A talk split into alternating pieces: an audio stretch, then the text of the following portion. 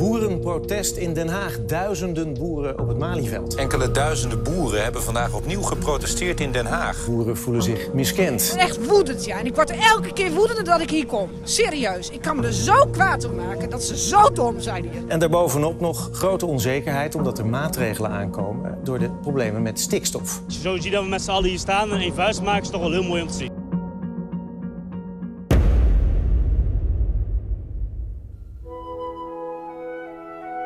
Het platteland. De plek waar mens en dier in vrede samenleven. De perfecte harmonie tussen natuur en mens. Astrid, volgens mij zit je weer te dagdromen.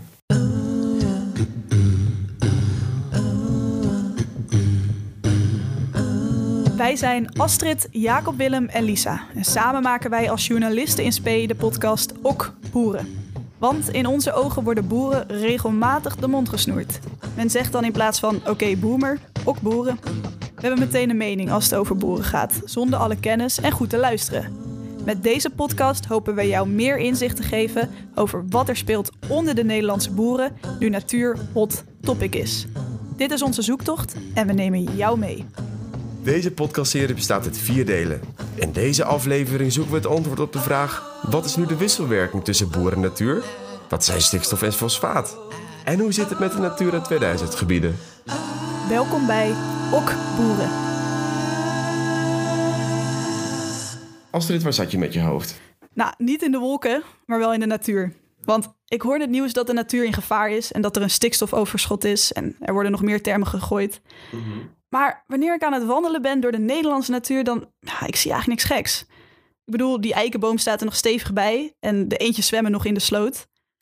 Ik vind het allemaal prachtig. Wat is er dan mis? En wat heeft de boer daarmee te maken? Nou, Astrid, kijk, die eikenboom en de eendjes hebben volgens mij niks te klagen. Het ligt allemaal net wat gecompliceerder. Op het eerste gezicht is er ook niks aan de hand. Het ziet er allemaal nog even prachtig uit als altijd. Maar we hebben eigenlijk te maken met onzichtbare vijanden. Namelijk stikstof en fosfaat. En eerlijk gezegd, ik ben een beetje een leek op dat gebied, dus ik weet er nu echt niet veel van af. Dan kan ik maar één ding zeggen, Jacob Willem. Het is weer tijd voor onderzoek. Eh, pak jij fosfaat, dan doe ik stikstof. Top, doe ik. Oké, eh, en dan vragen we Lisa of zij haar geschiedenisboeken weer wil openen. Ja, jongens, dat ga ik zeker doen. Maar even niet vergeten, het gaat in deze aflevering alleen over stoffen en gassen die invloed hebben op natuur. We hebben het dus niet over klimaat en broeikasgassen die de aarde opwarmen. Helemaal duidelijk, Lisa. Oké, let's go.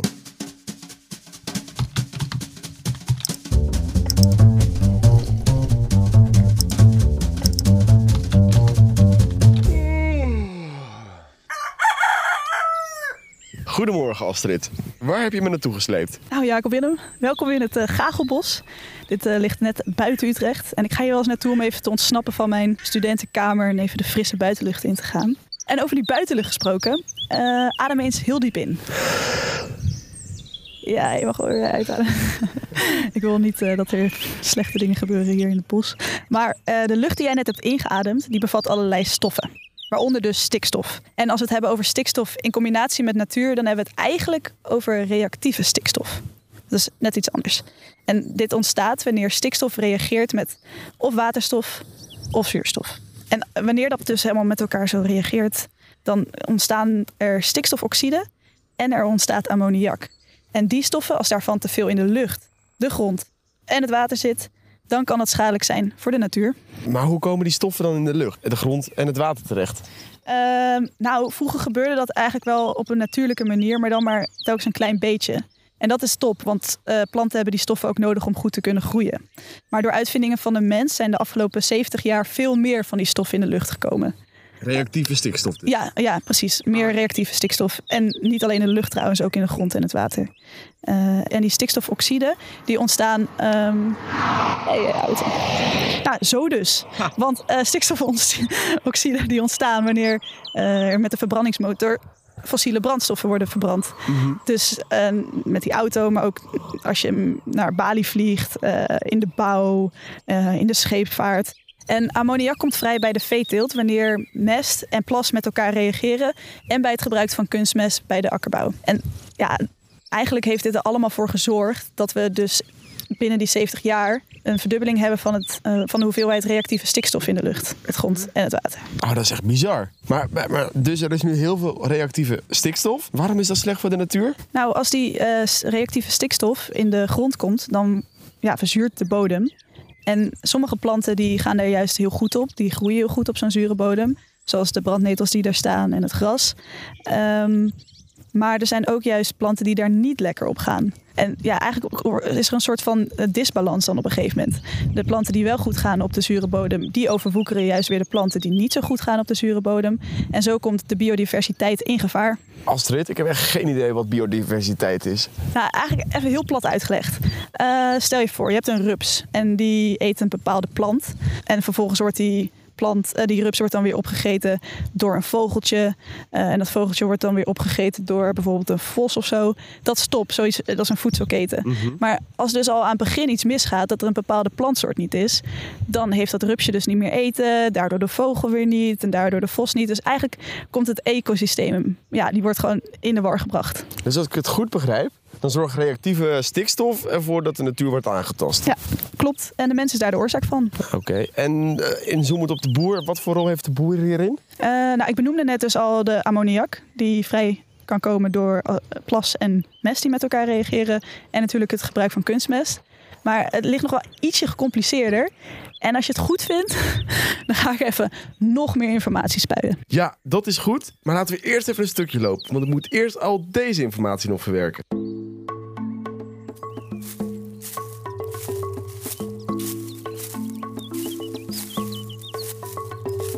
Oké, nou kijk, uh, zoals Lisa in de eerste aflevering van de podcast al uitlegde, werd na de Tweede Wereldoorlog het motto nooit meer honger. En om zo efficiënt mogelijk voedsel te verbouwen, werd, en eigenlijk ook nog wel steeds wordt, er gebruik gemaakt van een monocultuur. Uh, zie je ook wel eens van die mooie graanvelden als je uit het raam kijkt van de trein. Ja, altijd. Nou, dat is dus zo'n monocultuur.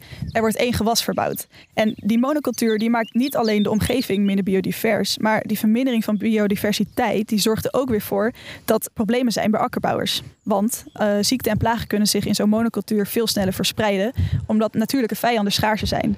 En wat denk je dat de boer dan doet? Uh, gewasbeschermers gebruiken? Ja, nou precies. En ja, een samenhang van omstandigheden zorgt er ook voor dat de bodem minder vruchtbaar is, waardoor kunstmest nodig is om de gewassen goed te laten groeien. En kunstmest zorgt er op den duur weer voor dat de grond weer zuurder wordt.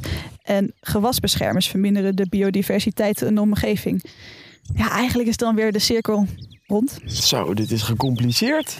I know, I know. Dit is echt uh, taaie stof. Maar ik vind het wel echt interessant. Ik, ik bedoel, uh, nu ik het heb uitgezocht, begrijp ik zelf ook beter waar eigenlijk uh, al die regels op gebaseerd zijn en wat er nou aan de hand is.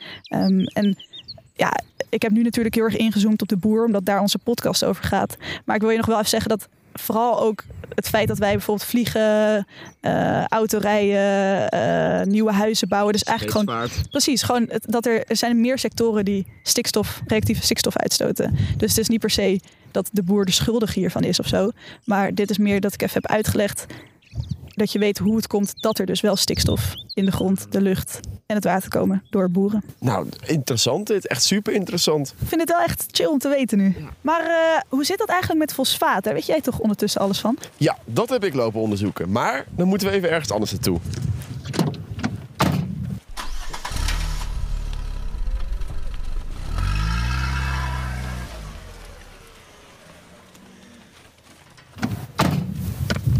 Astrid, welkom op de boerderij. Ja, dit is echt oprecht, denk ik.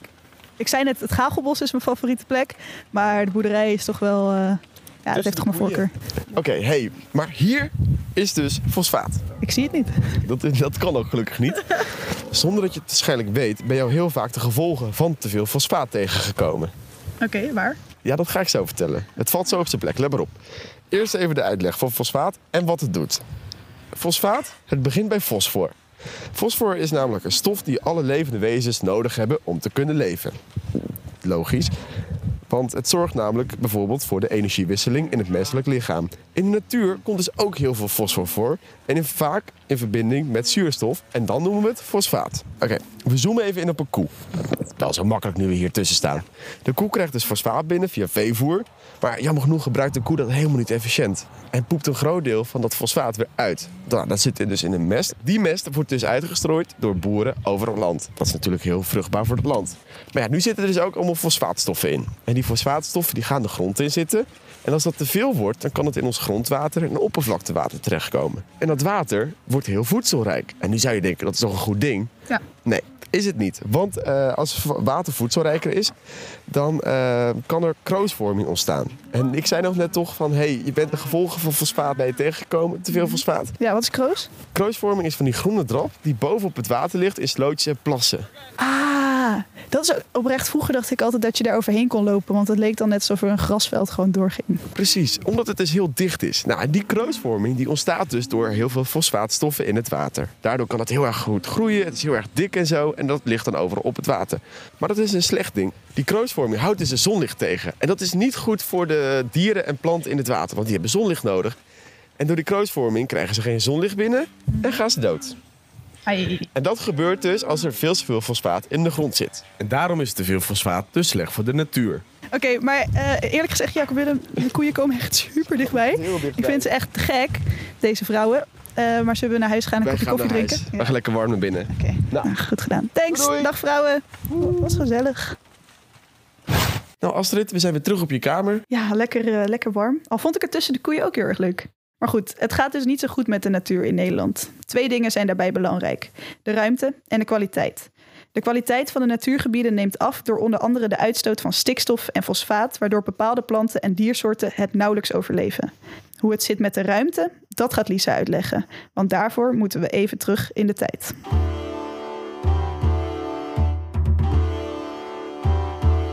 Yes, we gaan weer even terug naar het verleden, want het gaat al een tijdje niet zo goed met de natuur en de biodiversiteit in Nederland. In de 20e eeuw en vooral na de Tweede Wereldoorlog wordt er veel natuur ontgonnen, onder andere voor de landbouw. In de jaren 90 wil Nederland daarom een landelijk netwerk van verbonden natuurgebieden aanleggen. Ons landschap bestaat uit kleine losse stukjes natuur en deze worden als een soort tuintjes afgescheiden van en beschermd voor de rest van de omgeving. Die versnippering maakt kleine populaties nog kwetsbaarder. Stel je voor, het gaat in gebied X niet zo goed met een bepaalde kever. Wanneer gebied X verbonden is met andere natuurgebieden, dan kunnen dezelfde soort kevers uit die gebieden de populatie in gebied X aanvullen.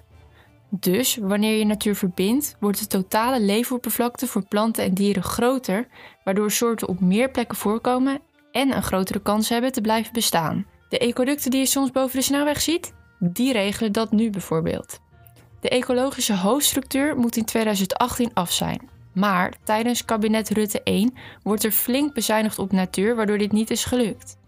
Inmiddels is het plan vervangen door Natuurnetwerk Nederland, dat pas in 2027 af moet zijn en veel minder hectares natuur omvat. Dan Europa. Europa heeft een beetje afgekeken bij ons en een netwerk van beschermde natuurgebieden ingesteld, genaamd Natura 2000. In dit netwerk worden bepaalde planten en dieren en hun natuurlijke omgeving beschermd om de biodiversiteit te behouden. In Nederland bevinden zich momenteel zo'n 160 Natura 2000 gebieden. Dat is een goed bruggetje naar het nu, want die Natura 2000 gebieden blijken in ons land niet goed genoeg te worden beschermd tegen de uitstoot van stikstof. Genoeg stof tot nadenken over hoe we dit probleem moeten oplossen dus. Dankjewel Lisa. Natuur moet dus ook verbonden zijn, als ik het goed begrijp. Dan wordt het nog een hele klus om dit probleem op te lossen. En ik denk dat een ecoloog ons wel nog wat meer kan uitleggen. Dus Lisa, jij mag skypen met ecoloog Matthijs Schouten. Hoi. Hallo. Even kijken of mijn dingen doet. Ja, kan je mij zien? Ja, ik kan u zien. Top. Oké, nou mijn eerste vraag is, uh, hoe is het momenteel met de Nederlandse natuur gesteld? Bijzonder slecht. Ik kan het misschien het beste uitleggen door, door uh, het begrip biodiversiteit te gaan gebruiken. En bij biodiversiteit denken mensen altijd: oh, dat is de variatie aan soorten. Dat is te simpel. Biodiversiteit vertegenwoordigt de variatie aan ecosystemen. Het gaat dus om de type natuur, de variatie aan soort en de genetische variatie binnen soorten. Dat noemen we de variabiliteit in de natuur. Dan was in 1900 ehm, al nog maar 40% over wat we in 1700 hadden. Dus in twee eeuwen was die variabiliteit al met 60% uitgegaan. En inmiddels, nu hebben we nog maar 15% over van de variabiliteit die we in 1700 hadden. We doen dus slechter dan alle andere Europese lidstaten. En hoe kan dat? Dat, dat heeft te maken met het feit dat onze natuur onder enorm hoge druk staat wat, wat, wat, wij in Nederland gedaan hebben, dat is een, dat we in het landschap functies zijn gaan scheiden, zoals dat heet. Hè? En zo scheiden we natuur en het menselijk domein erg van elkaar. En waar dat toe geleid heeft, is dat we inderdaad natuurreservaten hebben die in een, ik zou bijna willen zeggen, in een biodiversiteitswoestijn liggen. Want wat daarbuiten gebeurt is zo intensief dat er nauwelijks meer wilde planten en dieren aanwezig kunnen zijn. Wat in natuurbeschrijvingen of natuurbeheerskringen wordt altijd gezegd dat er een aantal beruchte V's zijn. Dat is uh, versnippering, verzuring, vermesting en verdroging. En dat zijn dan uh, de, de, grote uh, bedreigingen van de natuur. De verzuring die is overigens inmiddels opgeheven. Die verzuring had te maken met, met neerslag van zwavel die grotendeels uh, uit de industrie kwam. Dus die verzuring is, is niet meer het allergrootste probleem, maar de versnippering, zoals het heet, en de verdroging en vermesting zijn het wel. En die versnippering heeft te maken met het feit dat we natuurlijk in dit land heel veel doen voor mensen. En uh, dat is niet alleen de landbouw, maar dat is ook de infrastructuur, dat is de stedenbouw enzovoort. En daardoor is die natuur enorm versnipperd geraakt. We hebben geen nauwelijks meer grote en ingesloten natuurgebieden. Daarnaast, en dat heeft veel met de landbouw te maken, hebben we verdroging en vermesting. Kijk, allerlei landbouwgewassen die houden niet van natte voeten. Aardappelen houden niet van natte voeten, graan houdt niet van natte voeten, mais houdt niet van natte voeten. En uh, voor de landbouw wordt, wordt de waterstanden uh, kunstmatig laag gehouden. Nou, dat heeft natuurlijk ook invloed op natuurgebieden die afhankelijk zijn van hoge waterstanden. En dan hebben we dus als, als laatste factor die vermesting. En daar hebben jullie nu ook veel onderzoek naar gedaan. En dat heeft te maken met, met uh, de stikstof die neerdaalt in onze natuurgebieden.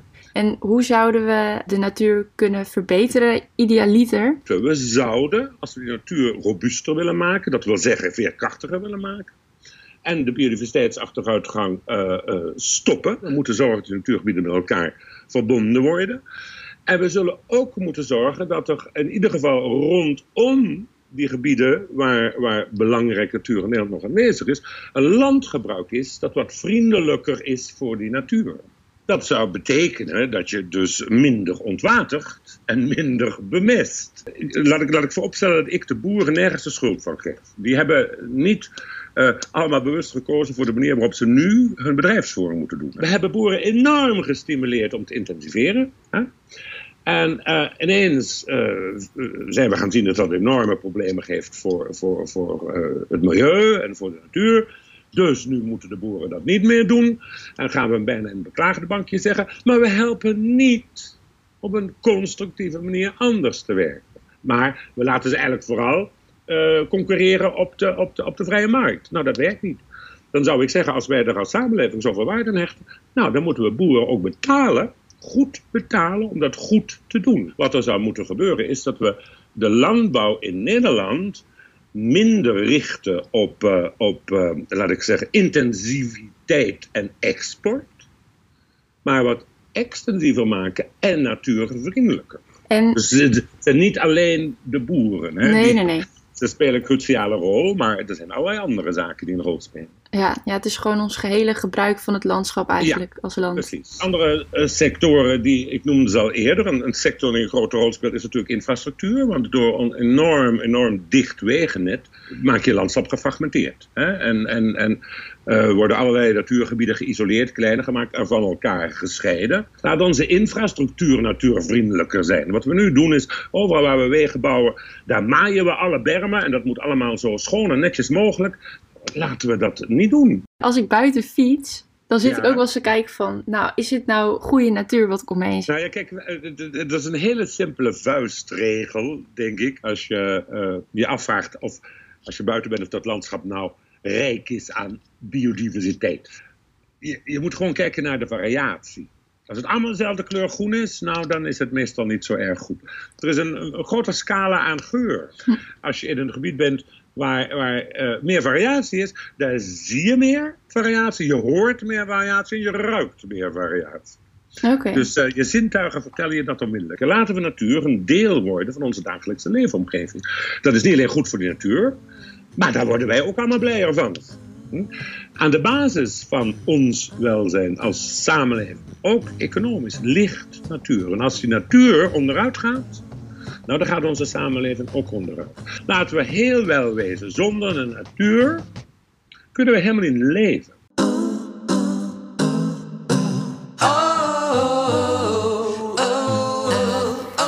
Aan het begin van deze aflevering stelden we de vraag: wat is er mis met de Nederlandse natuur en wat heeft de boer daarmee te maken?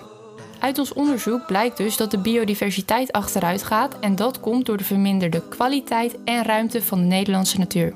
En ja, die achteruitgang van kwaliteit, daar dragen de boeren ook aan bij. Want die stoten fosfaat en reactieve stikstof uit. Maar, zoals Matthijs Schouten ook al in de aflevering zei, de inrichting van ons hele landschap heeft invloed op het verslechteren van de natuur. Het beleid van de overheid voor de landbouw was dus ingericht op efficiëntie. Maar dat lijkt niet meer houdbaar. Zou de overheid boeren kunnen helpen om anders te boeren? Hoe staat het er momenteel voor met de wetten en regels voor de boeren? En waarom lijken veel boeren niet blij te zijn met het beleid van de overheid? Met deze vragen zetten we onze zoektocht voort in de derde aflevering van de podcast Okboeren. Wil je nou meer weten over dit onderwerp? Houd dan ons Instagram-account Okboeren in de gaten. Daar houden we je op de hoogte van verdiepende artikelen die we schrijven en posten we foto's en video's van achter de schermen. Tot de volgende.